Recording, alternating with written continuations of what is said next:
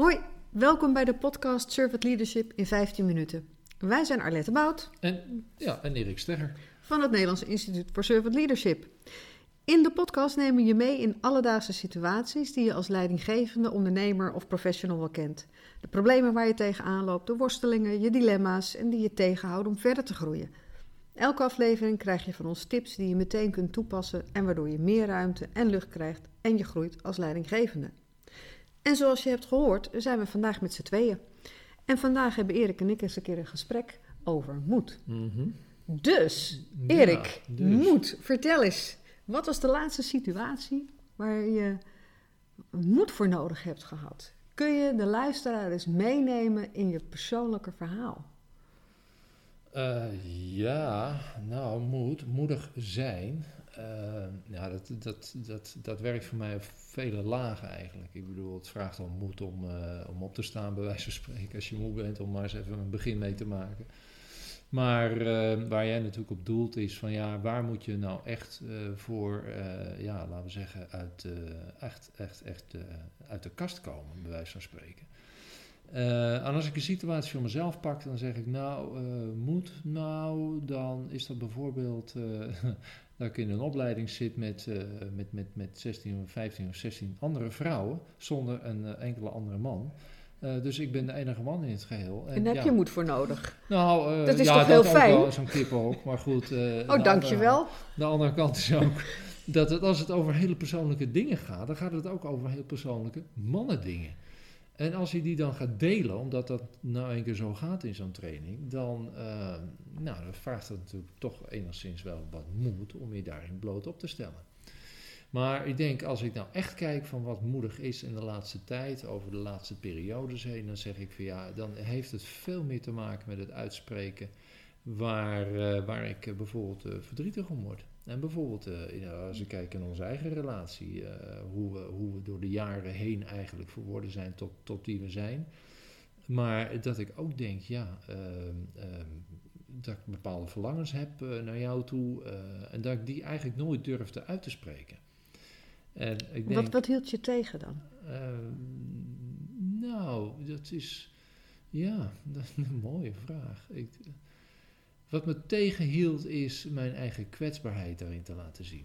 Dus ehm, eh, verdriet is natuurlijk niet echt een mannending. dat, dat, dat, ja, weet je. eh, dat, Oh. Alom eh, mag dat wel meer. Ik, eh, dat is een hardnekkige overtuiging bij mij. Dus nou ja, goed, ik kom er ook wel overheen hoor. Maar dat ik ook veel meer durf te spreken uit, uit wat me, ja, uit mijn ziel eigenlijk. Dat, dat, dat, ik, dat ik kan aangeven nu inmiddels, van waar ligt nou eigenlijk mijn verlangen als het gaat over onze relatie bijvoorbeeld. En dat ik sommige dingen ook wel verdrietig word. En dan gaat het niet over de kleine dingen de rotzooi die je af en toe laat slingeren, waar ik, waarvan ik dan uitspreek van ja, wat mijn verlangen is. Nee, het gaat over veel, veel diepere lagen. Dat dus. Het uitspreken ervan, het aangeven wat me echt verdrietig maakt, ook het verdriet ook wel laten zien. Ik denk dat dat voor mij als man, dat dat ook wel, ja, dat het ook wel moed vraagt. Gewoon mijn kwetsbaarheid tonen. En wat helpt jou dan om ehm, die moed ehm, ook op te brengen? Nou, eh, dat als ik, het, als ik het opbreng om moed te tonen, dan levert het mij eigenlijk altijd wat op. Namelijk dat, dat mijn verlangen dus eigenlijk ingevuld gaat worden. En dat, dat eh, bijvoorbeeld eh, even terug naar onze eigen relatie, dat ik dus zie en gewoon ervaar dat, het, dat de dingen anders gaan lopen dan ik, eh, ja, dan ik voor mogelijk heb gehouden. En dat, dat geeft dus aan dat als je je kwetsbaar opstelt, je dus moedig bent om dingen uit te spreken die zo diep van binnen zitten, je daar echt die kwetsbaarheid eh, kan laten eh, gelden, ja, dat dan pas eigenlijk ook een verandering op gang kan worden gebracht. En als ik dat dus niet had gedaan, ja, misschien hadden we dan niet meer bij elkaar geweest, om het wat te noemen. Nou, dat zou zomaar kunnen. Want wat ik merk als het gaat over moedig zijn, hè, dan, als, en dan kijk ik even naar mezelf, is dat ik, als jij, ehm, God die raakt me, als jij je kwetsbaar kunt opstellen, dat ik dat zo mooi vind, dat ehm, als je, wat ik van je heb gezien, voorheen was, nou, Ik moet, niet, eh, ik moet niet laten zien dat ik me laat raken, want dat hoort niet bij het beeld dat ik heb van een man. Dat moet stoer zijn en sterk zijn en alles weten en zo. En dat ik je zoveel mooier vind als je je echt laat zien. Nou, het is niet alleen dat het misschien mooier en, en, eh, wordt, eh, maar als ik, het, als ik bij mezelf blijf, ik, voel, ik, ik voel ook veel meer warmte. Ik voel veel meer warmte in de verbinding met, met, met jou of met anderen. Dus het uitspreken van de dingen die, die, die op je hart liggen, zwaar op je hart liggen. Ja, ik weet ook als geen ander wat het heeft betekend voor mij fysiek. Dus mijn hart is er niet beter van geworden om wat te noemen. Dus in dat opzicht kunnen dingen die zwaar op het hart liggen, maar beter uitgesproken worden. En liefst zo vroeg mogelijk. Want dan hou je je hart ook vrij voor de liefde, niet dan? Ja. Nou, dat is een hele mooie.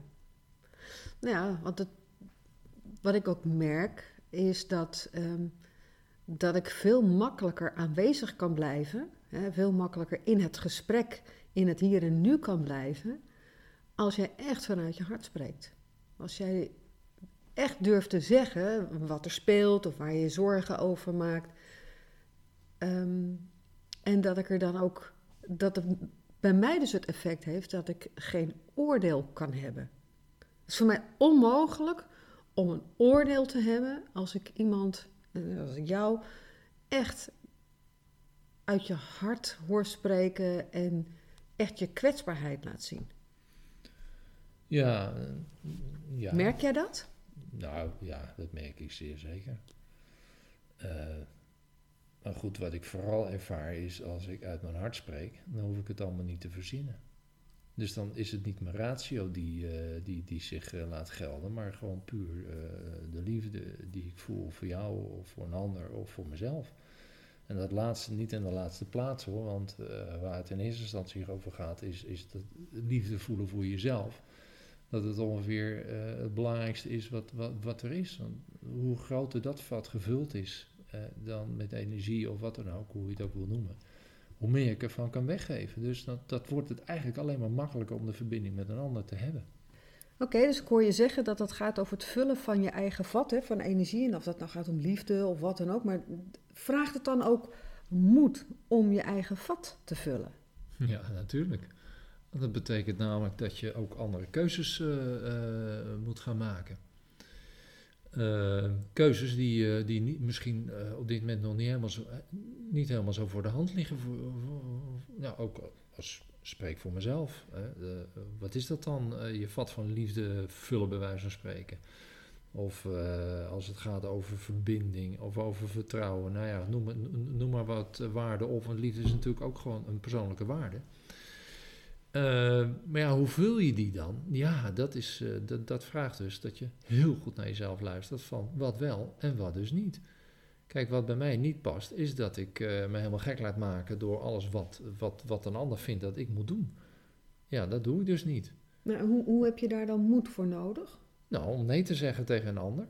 Want, en, wat is daar moedig aan dan? Dus toch gewoon zeggen nou, nee? Ja, uh, nou, je zal ze de kost geven. Die, uh, die, die, die, die uh, gaan pleasen, die, die ja zeggen terwijl ze al nee denken.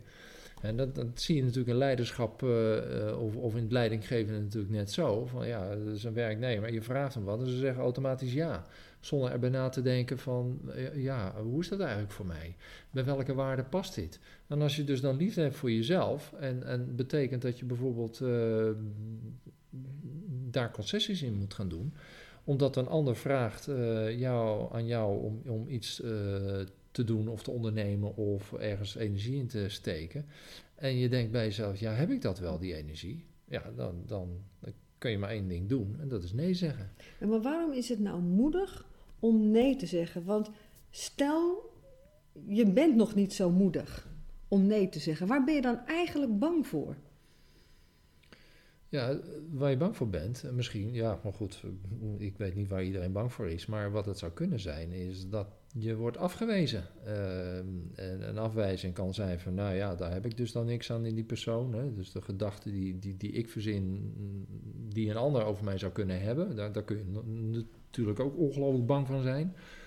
Maar ja, waar het over gaat, uh, is dat je dus onafhankelijk wordt ook in het geheel. Eh, onafhankelijk van, van wat een ander van jou vindt. Oh ja, dus, dus even, als, als ik hem dan zie in, in, in, in, in leiderschap, zeg maar, of nou persoonlijk leiderschap is of leiding aan anderen, dan zou het kunnen zijn dat je begint met, met, met, met je carrière, of je, je bent toen een volgende stap, of de daarvolgende stap, en dan word je wat gevraagd, en dan voel je eigenlijk, oh, dit is eng of dit wil ik niet. Uh, want dit, dit voelt niet goed voor mij, dit heeft consequenties voor mijn gezin, weet ik veel wat. Maar als ik nee zeg, dan wordt mijn plaatsje ingenomen door een ander en dan is mijn carrière gewoon naar de knoppen. Ja. En dat dat is, dan is het, vraagt het dus wel moed om te zeggen: nee, ik doe het niet. Zonder dat je daar misschien een uitleg over verschuldigd bent. Nou ja, dat, is precies wat je zegt. Uh, zonder dat je uitleg, uitleg verschuldigd bent. Als jij zegt van het is nee, dan is het toch nee. Uh, en moet je daar dan altijd een argument bij verzinnen? Nou, misschien is de reden dat je nee zegt al goed genoeg. Maar daar gaat het dus over. Uh, goed genoeg voelen. Je echt goed genoeg voelen voor jezelf in wie je bent uh, en wat je waard bent. Ja, dat is, dat is voor heel veel mensen nog steeds een hele dikke kluif. Hey, ik ga even in de reden vallen, want ik, ik, je triggert me met wat je zegt. Want er wordt heel vaak, als, als ik eh, de literatuur erop nalees of in het nieuws, weet ik veel wat dan wordt dat heel vaak toegedicht aan, aan, vrouwen. Zeg maar. Dat vrouwen, oh ja, die, die zichzelf nooit goed genoeg, bla bla bla bla bla. Nou, dat heeft een baard van hier tot Tokio en weer terug. Maar hoe is dat dan voor mannen? misschien nog wel groter. Ik bedoel, kijk naar mannen die uh, zich zo ongelooflijk uh, uh, uit de naad werken. die, die, laten we zeggen, de workaholics. Hè. ja, daar is maar één, wat mij betreft, nou, ik zal niet zeggen één, één argument waarom ze dat doen. misschien zijn er wel meer, maar één daarvan is toch zeker van ja, ik ben niet goed genoeg geweest. Dus ik laat dus nu wel zien dat ik goed genoeg ben door keihard, keihard te werken en, en dan past het nee van de ander, terwijl jij ja wil horen, past voor die leidinggevende ook niet. Want hij zegt zelf altijd al ja tegen alles wat op zijn pad komt. En hij kan zelf al geen nee meer zeggen. Dus ook geen nee ontvangen.